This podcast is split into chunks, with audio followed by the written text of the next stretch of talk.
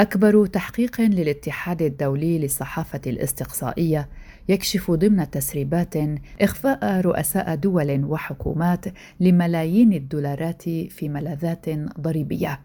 في حلقة اليوم من بودكاست في عشرين دقيقة سنتحدث عن وثائق باندورا وهو أكبر تحقيق للاتحاد الدولي للصحافة الاستقصائية بدءا بويكيليكس مرورا بوثائق بنما أو بنما بيبرز وصلنا اليوم إلى هذا التحقيق الذي تناول أكثر من 11 مليون وثيقة تمت قراءتها ومعالجتها ومقارنتها.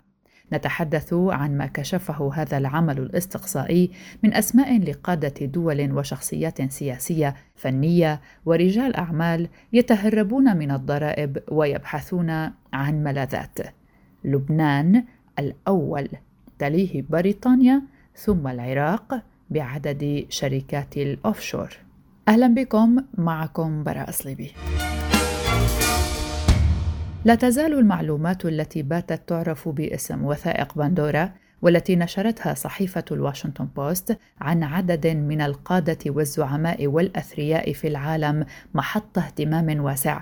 يستند التحقيق الذي أطلق عليه اسم وثائق بندورا وساهم فيه نحو 600 صحفي إلى حوالي 11.9 مليون وثيقة. مصدرها 14 شركة للخدمات المالية. سلط الضوء على أكثر من 29 ألف شركة أوفشور. وورد ذكر نحو 35 من القادة والمسؤولين الحاليين والسابقين في تلك الوثائق التي حللها الاتحاد في إطار ادعاءات تتراوح بين الفساد وغسل الأموال والتهرب الضريبي.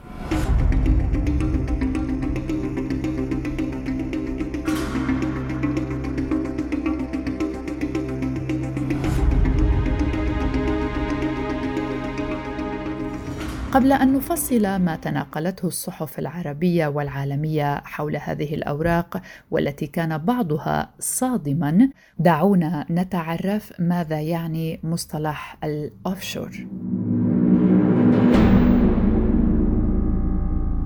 مصرف أوفشور أو مصارف الأوفشور أو المصارف الخارجية أو البنوك الحرة هي البنوك الواقعة خارج بلد إقامة المودع وتكون غالبا في بلدان ذات ضرائب منخفضة أو مؤسسات مالية لا تخضع للرقابة الدولية.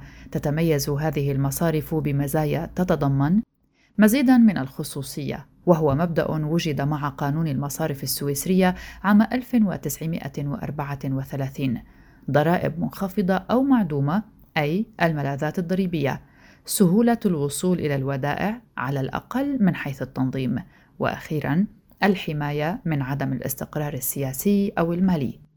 كثيرا ما ترتبط المصرفية الخارجية مع السوق السوداء والجرائم المنظمة عن طريق التهرب الضريبي وغسيل الأموال ولكن من الناحية القانونية المصرفية الخارجية لا تمنع الموجودات من خضوعها لضريبة الدخل الشخصية على الفائدة باستثناء أشخاص معينين يلبون متطلبات معقدة إلى حد ما. ضريبة الدخل الشخصية لكثير من الدول لا تفرق بين الفوائد المكتسبة في البنوك المحلية والفوائد المكتسبة من الخارج، فعلى سبيل المثال يجب على الأشخاص الخاضعين لنظام الضرائب الأمريكي أن يصرحوا بأي حسابات مصرفية خارجية يمتلكونها. سريا كانت أم عادية، وإلا فقد يتعرضون لعقوبة شهادة الزور.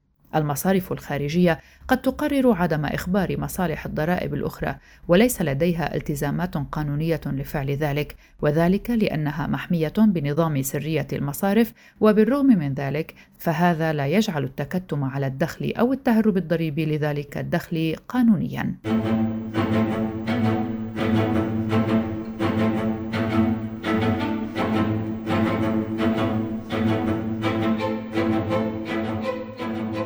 الحادي عشر من سبتمبر عام 2001 كان هناك الكثير من الدعوات لمزيد من الضبط والتنظيم للتمويلات الدولية خصوصا ما يتعلق بالمصارف الخارجية والملاذات الضريبية لكون هذه النظم التمويلية طريقة محتملة يتبعها منفذو التدفقات المالية غير المشروعة الكبرى. ويقدر الخبراء أن الودائع الخارجية في العالم فاقت العشرة تريليون دولار حصة وتتصدر الولايات المتحدة الأمريكية ب 2 تريليون دولار. كل الصحف العربية والعالمية تحدثت عن وثائق بندورة والعالم العربي كان له نصيب مهم من هذه الوثائق. حيث كان كشفا صادما للشعب اللبناني الفقير حديثا الذي غرق في أسوأ تباطؤ اقتصادي في العالم منذ عقود. فالأسماء المسربة في الوثائق تشمل شخصيات سياسية بارزة في لبنان بينها رئيس الوزراء نجيب ميقاتي محافظ البنك المركزي منذ فترة طويلة والذي يعتبره اللبنانيون شخصية رئيسية في السياسات الفاشلة التي ساعدت في إثارة الأزمة المالية الحالية. وردا على تسريب وثائق بندورا قال ميقاتي إن ثروة عائلته خضعت للتدقيق عندما أدرجت شركته للاتصالات في بورصة لندن عام 2005 وعندما اندمجت مع MTN في جنوب إفريقيا في وقت لاحق. وجاء في بيان لمكتب ميقاتي. تم التدقيق في مصدر ثروة عائلة ميقاتي بشكل جيد من قبل الهيئات والكيانات المعنية التي كانت تقود الطرح الأولي للاكتتاب العام مما يثبت أن مصدر الثروة عينه موثق جيدا وقانوني وشرعي ومدقق وأنه مستمد من الأنشطة العالمية للشركة العائلية التي سبقت دخول ميقاتي إلى الحقل العام في لبنان. وقال مكتب رئيس الوزراء اللبناني نجيب ميقاتي يوم الثلاثاء الماضي إن ثروة عائلته تأتي من شركة اتصالات سبق أن خضعت للتدقيق وإنها قانونية. كما جاء في هذه الوثائق أن العاهل الأردني الملك عبد الله الثاني أسس ما لا يقل عن 30 شركة أوفشور في بلدان أو مناطق تعتمد نظاما ضريبيا متساهلا ومن خلال هذه الشركات اشترى 14 عقارا فخما في الولايات المتحدة والمملكة المتحدة بقيمة تزيد عن 106 ملايين دولار. وعلق العاهل الأردني الملك عبد الله الثاني الاثنين الماضي 4 أكتوبر تشرين الأول على تسريب وثائق بندورا وقال إنه لا يوجد ما يتم إخفاؤه. يعد هذا أول تعليق لملك الأردن بعدما أثارت الوثائق المنشورة حول العقارات التي يمتلكها ضجة كبيرة دفعت الديوان الملكي إلى إصدار بيان حولها. وقال الملك خلال زيارة مقررة سلفا لمنطقة نائية التقى خلالها بزعماء العشائر وهاجم أولئك الذين اتهمهم بالسعي للفتنة. قال هناك حملة على الأردن ولا يزال هناك من يريد التخريب ويبني الشكوك أضاف العاهل الأردني دون أن يتطرق للتسريب بوضوح لا يوجد ما يتم إخفاؤه.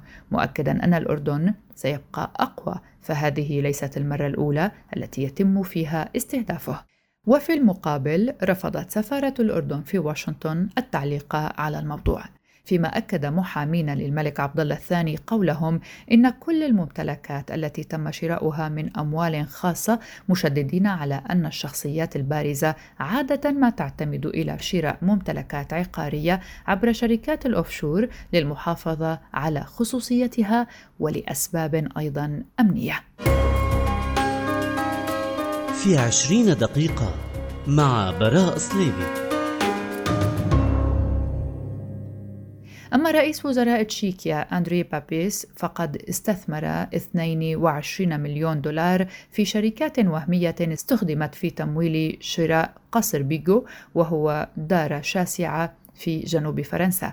وعلق بابيس في تغريدة لم أقدم يوما على أي فعل غير قانوني لكن هذا لا يمنعهم من محاولة التشهير بي والتأثير على الانتخابات التشريعية التشيكية المقررة الجمعة والسبت. بدوره أودع رئيس الإكوادور جيرمو لاسو أودع أموالا في صندوقين مقرهما في ولاية داكوتا الجنوبية في الولايات المتحدة.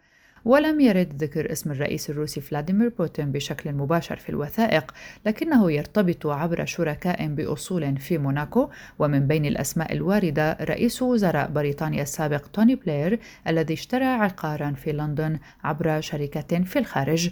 وكشفت الوثائق أيضا أن عائلة رئيس أذربيجان إلهام علييف وشركاء له ضالعون في صفقات عقارية تبلغ قيمتها مئات الملايين في بريطانيا فيما يملك رئيس كينيا أوهورو كينياتا وستة من أفراد عائلته مجموعة من شركات الأوفشور.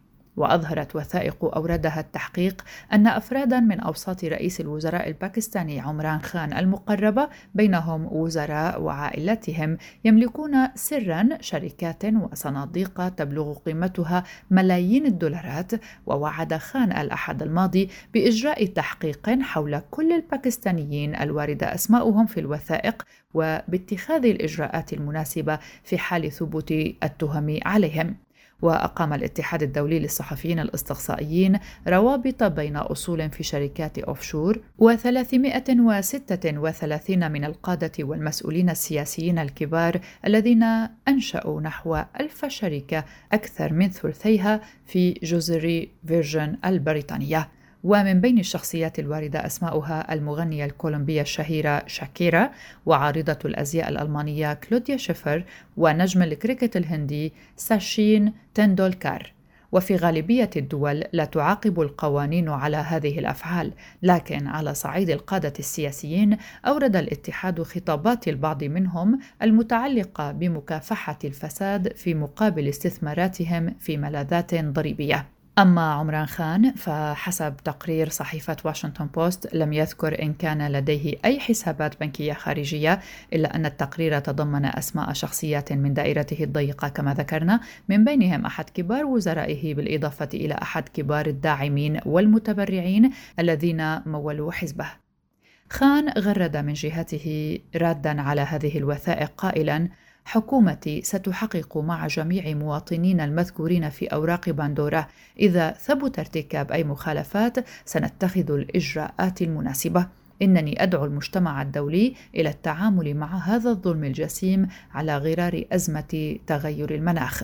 أما بالنسبة لتوني بلير رئيس الوزراء الأسبق لبريطانيا تشير ذات الوثائق أن بلير وزوجته شيري تفاديا دفع 312 ألف جنيه استرليني أي ما يعادل نحو 423 ألف دولار كضريبة على شراء عقار. وذلك عندما اشتريا منزلا في العاصمة البريطانية لندن حيث أن المبنى الآن هو مركز شركة محاماة شيري. فإن عائلة بلير قامت بشراء المنزل عام 2017 عبر شراء الشركة الخارجية التي تملك هذا العقار. وقيام عائلة بلير بشراء الشركة الخارجية هو أمر قانوني لكنه سمح لهم بتفادي دفع الضريبة لأن الضريبة لا تدفع عندما يتم الاستحواذ على شركة تملك عقارا معينا.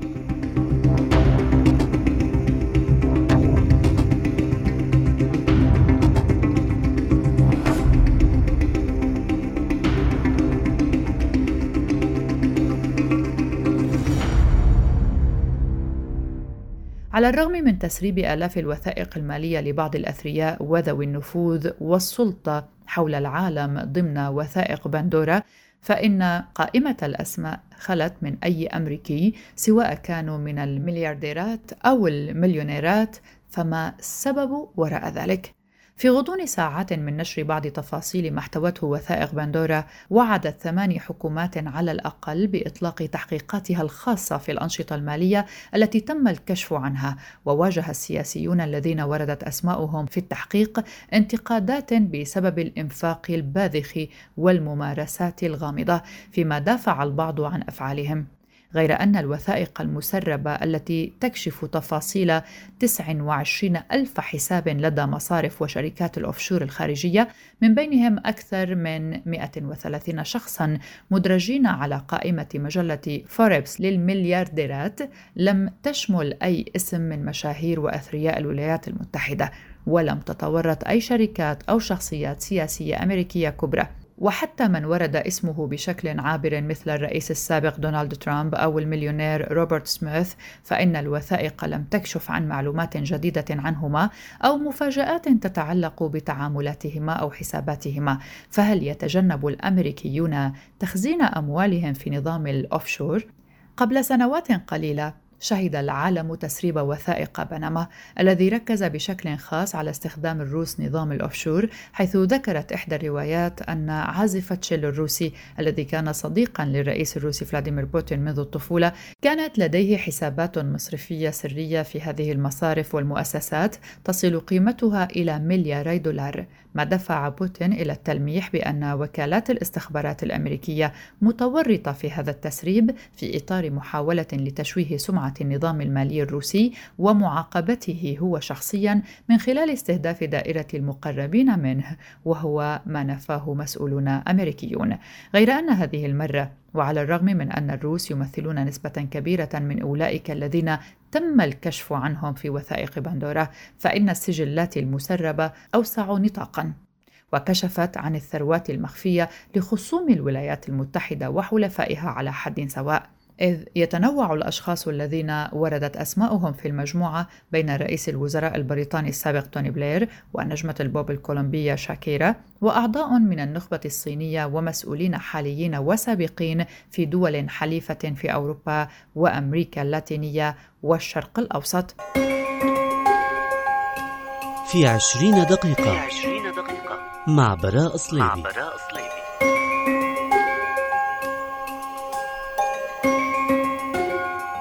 وأثار التحقيق قبل نشره مخاوف السلطات في بنما من أن تشملها مرة أخرى فضيحة الملاذات الضريبية حسب ما جاء في رسالة حكومية نقلتها وسائل الإعلام المحلية. وأفادت الحكومة البنمية في رسالة وجهتها إلى الاتحاد الدولي للصحافة الاستقصائية عن طريق مكتب محاماة بأنه قد تكون الأضرار غير قابلة للإصلاح. محذرة من أن أي منشور يعزز التصور الخاطئ للبلاد كملاذ ضريبي محتمل سيكون له عواقب وخيمة على بنما وعلى شعبها. وكان الاتحاد الدولي للصحافة الاستقصائية أعلن في تغريدة أنه سينشر الأحد الماضي عند الساعة الرابعة والنصف بتوقيت غرينتش أشمل تحقيق حول السرية المالية حتى الآن بناء على 11.9 مليون وثيقة مسربة تغطي جميع أنحاء العالم. هذا وأشارت رسالة حكومة بنما إلى العديد من الإصلاحات التي نفذتها الدولة الواقعة في أمريكا الوسطى خلال السنوات الماضية والتي لا تزال مع ذلك مدرجة على قائمة الملاذات الضريبية في فرنسا والاتحاد الأوروبي. وأكدت بنما في رسالتها أن بنما عام 2016 لا تمت بصلة ببنما اليوم وقالت إنه ومنذ تلك السنة تم تعليق تسجيل أكثر من 395 ألف شركة ومؤسسة أي ما يعادل نصف تلك التي كانت موجودة حينها وتخشى الحكومة من أن تواجه البلاد مرة أخرى فضيحة جديدة تتعلق بالملاذات المالية بعد تلك التي أثارها نشر تحقيق سابق أجراه الاتحاد الدولي للصحافة الاستقصائية في 2016 والمعروف باسم وثائق بنما. وفي هذا الشأن كان مكتب المحاماة البنمي موساك فونسيكا قال في 2018 إنه قد أوقف كل نشاطاته في أعقاب هذه الفضيحة وكانت قضية وثائق بنما بدأت في الثالث من إبريل نيسان عام 2016 مع تسريب 11 مليون ونصف المليون وثيقة رقمية من مكتب المحاماة البنمي هذا. وهذه الوثائق الحساسة التي حللتها المجموعة الدولية للصحفيين الاستقصائيين أدت إلى سلسلة صدمات في العالم بينها استقالة رئيس الوزراء الأيسلندي سيغموندور ديفيد غونلو غوسون ثم رئيس الوزراء الباكستاني نواز شريف.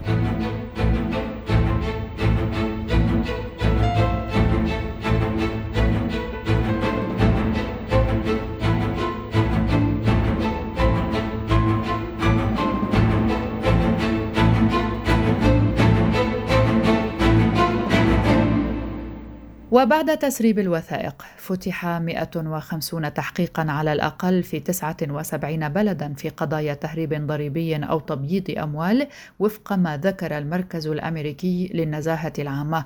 ومنذ ذلك الحين أجرت بنما سلسلة إصلاحات لتعزيز الرقابة المصرفية ومعاقبة التهريب الضريبي بالسجن إلى جانب تبادل المعلومات مع منظمة التعاون والتنمية في المجال الاقتصادي.